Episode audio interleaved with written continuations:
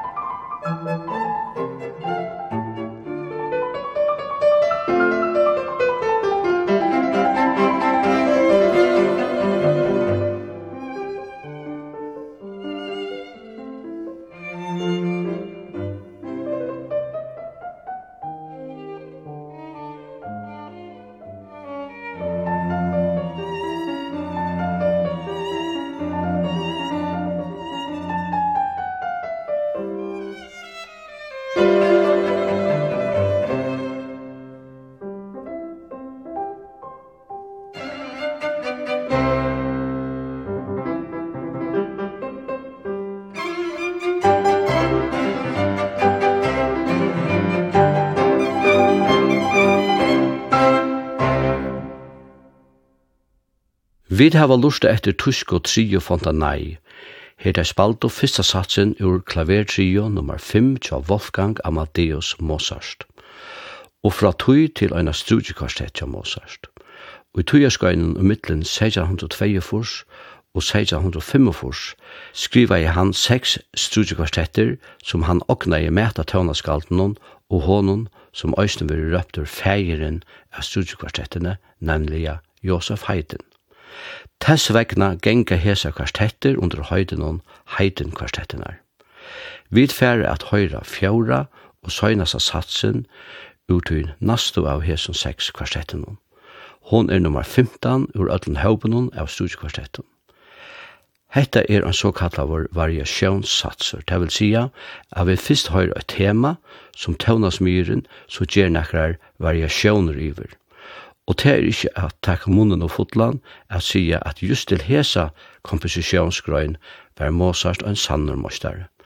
Luste bæra nu Emerson kvartetten for at spela hendan så avmetelig av vekra satsen og demål for jokken. Thank you.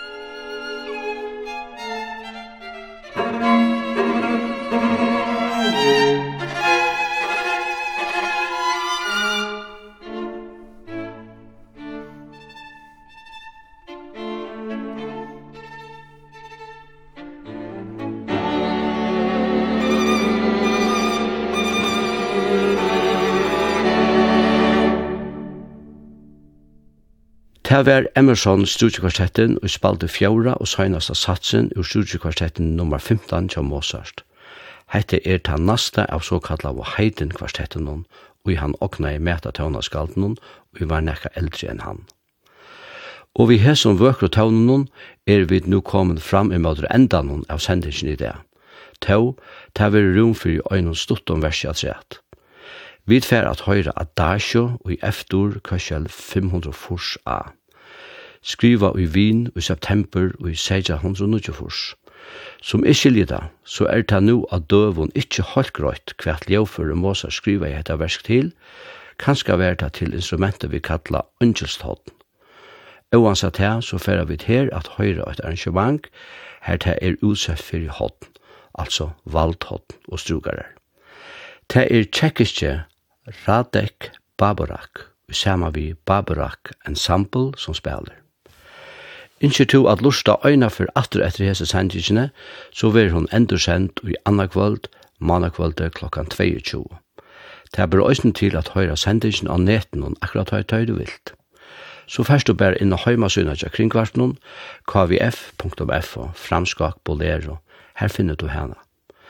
Teknikar i det var Samal Jakob Jakobsen, og i øyde egen av lekene. Sendingen var atter kommande sundag. Takk fyrir at du lytte av.